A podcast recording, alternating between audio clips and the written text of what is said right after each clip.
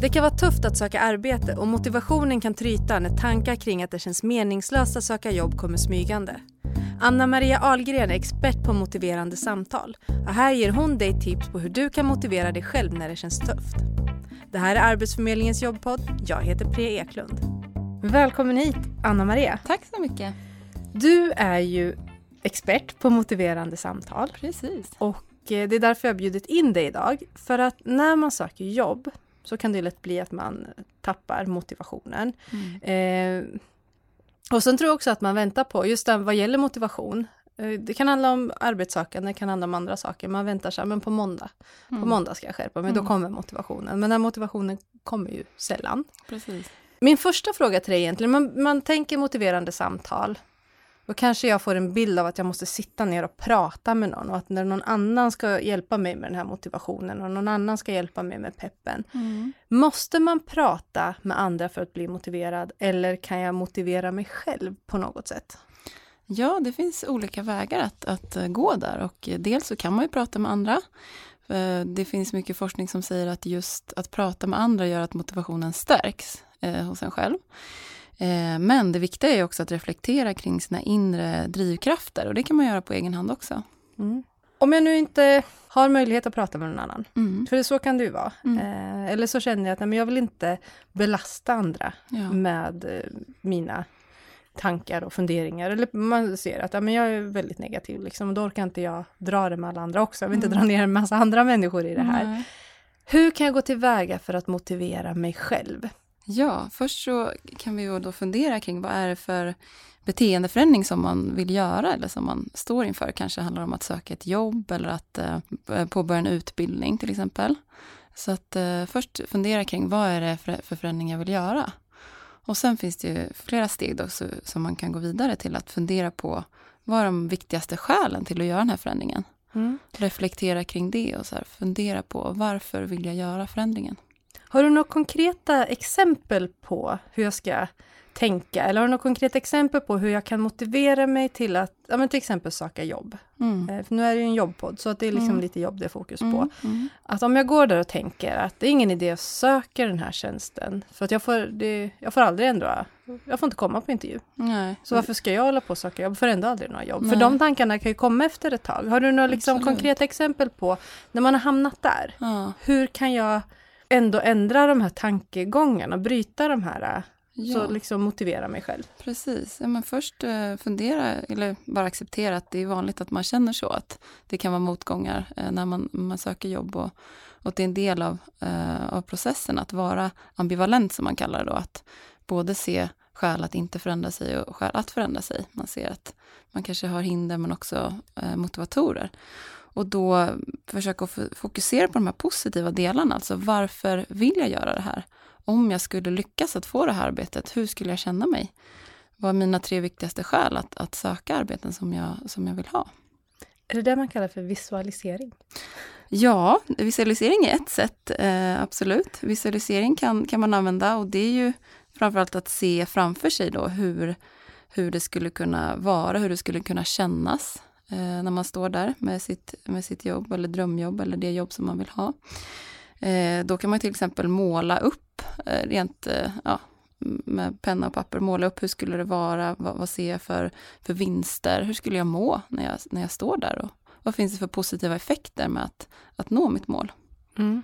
Och är det det då som, jag tänker att visst det kan jag göra, är jag motiverad sen eller är det en process i det här, förstår du vad jag menar? Mm. Att det känns som att det kanske är mer än att bara visualisera det här. Ja, jag kommer må.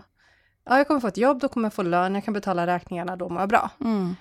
Och det känns som att så enkelt är det ju inte kanske riktigt, mm. utan det måste ju vara någon process i det här. Mm. Har du något exempel där, liksom, eller något tips mm. på hur jag ska göra för att faktiskt ta de här stegen framåt? Mm, precis. Ja, eh, det är helt vanligt, det är vanligt att man känner de här båda eh, dragkrafterna i sig själv. Man brukar kalla det som att det är som en bild med en djävul och en ängel som står på, på två olika axlar och pratar med varandra. Och den ena kanske säger att Nej, men det är ingen idé att jag söker jobb och jag kommer inte lyckas och så. Och sen andra säger att jo men om jag gör det så kanske jag mår bättre och så. Så det är helt naturligt att ha de här två olika delarna i sig själv. Eh, och eh, det som, det som är motiverande är ju att fokusera på de positiva delarna. Eh, alltså det som skulle vara vinsterna med att göra förändringen. Eh, så att det är egentligen det som är nyckeln, att eh, försöka och hitta tillbaka till det. Om man kanske får ett nej när man har sökt ett arbete så kan man ju då fokusera på, men varför, påminna sig själv, varför vill jag göra det här? Jo, men jag vill ha en bra ekonomi, jag vill träffa kollegor till exempel, jag vill må bra och utvecklas. Mm. Det är därför jag gör det. Att man hela tiden liksom påminner sig själv om att det här är mina skäl, det är, det hit, jag, det, det hit jag ska. Så. Har du några fler tips på hur jag kan hitta motivationen om jag har tappat den på vägen? Ja, det skulle kunna vara att, att se de här ringarna på, på vattnet-effekten.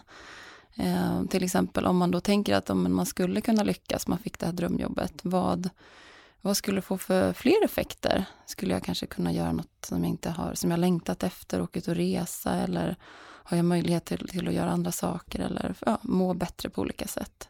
Mm. Fundera över sina egna liksom, vinster med att eh, nå sitt mål. Om jag vill, om jag säger så här, ja men då, då har jag gjort det här ett tag. Jag försöker påminna mig själv liksom om mm. att eh, ja, men vinsterna, jag försöker påminna mig själv kring ja, men varför söker jag jobb? Liksom vad, jag har den här målbilden och visualiseringen och allting. Mm, mm. Så känner jag ändå så här, men nu, nu är jag igång igen. Nu mm. känner jag den här motivationen. Mm. Hur ska jag göra för att inte tappa det här igen? Har du liksom några bra tips på övningar eller någonting där, liksom för att inte totalt hamna tillbaka i det där? För då känns det som att man får börja om. Ja, ett exempel är att dels påminna sig själv, kanske skriva ner tydligt, sätta upp på kylskåpet eller på något annat sätt.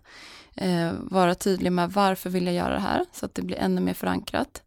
Eh, och sen fundera på tidigare lyckanden, skulle också kunna vara ett sätt att så här, men jag kanske haft ett jobb där jag trivdes eller nu har jag faktiskt varit på den här intervjun, bra, då är jag stark, då kan jag göra en till intervju. Till exempel att man fokuserar på det som faktiskt går bra under tiden. Ja, nu vet inte jag eh, om, om det här faller inom det här med motivation nej. och så. Men jag tänker så en personlig hejaklack. Mm. Eh, att, nej, man behöver kanske inte alltid ha någon som, som man eh, klagar hos, man, eller som man går till när man mår dåligt och sen så, nu mår jag så här och jag är så dålig, och så ska den bara vara. Mm. Och det är då den är en hejaklack, utan kanske en hejaklack när det också går bra. Att när jag känner att det går bra, att jag har personer runt omkring mig som, som, som är med mig i, inte bara i motgång, men också i medvind, mm, så att man får så. ännu mer medvind. Personer som stöttar och, och hjälper en på vägen. Mm. Mm. Kan det vara någonting? Ja, det låter som en jättebra idé. Mm. Att faktiskt eh, dels berätta, ju, som jag sa i början, så ju mer vi berättar för andra om vår motivation, desto mer förankras den i oss själva. Och det gäller ju eh, dels när man är omotiverad och även när man kanske att, eh, kommer, kommer längre i processen och är mer motiverad. Så det här är ju väldigt positivt att bara eh, använda sig av den här personliga hejaklacken och, och säga att men, det går bra för att jag sökte det här jobbet eller eh, det här är varför jag vill, jag vill förändra mig. Mm. Mm.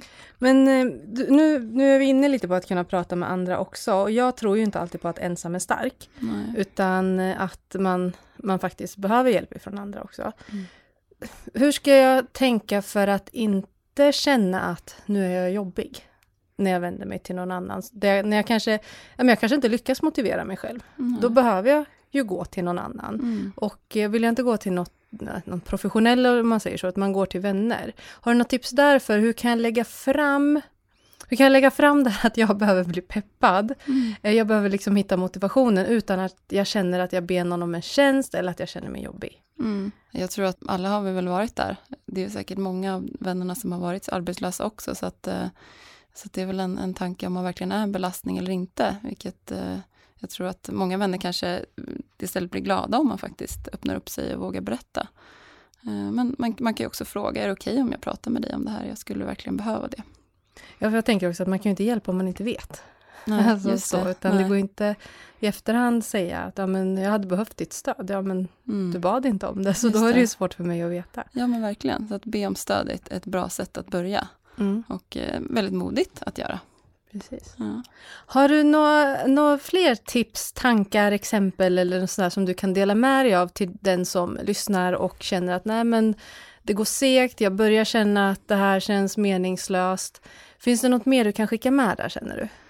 Ja, att eh, fokusera på sina styrkor. Vad, vad, har jag för styrkor? Inre drivkrafter. Har jag lyckats med någonting innan? Jag kanske är modig, jag är en ärlig person, jag är stark på olika sätt.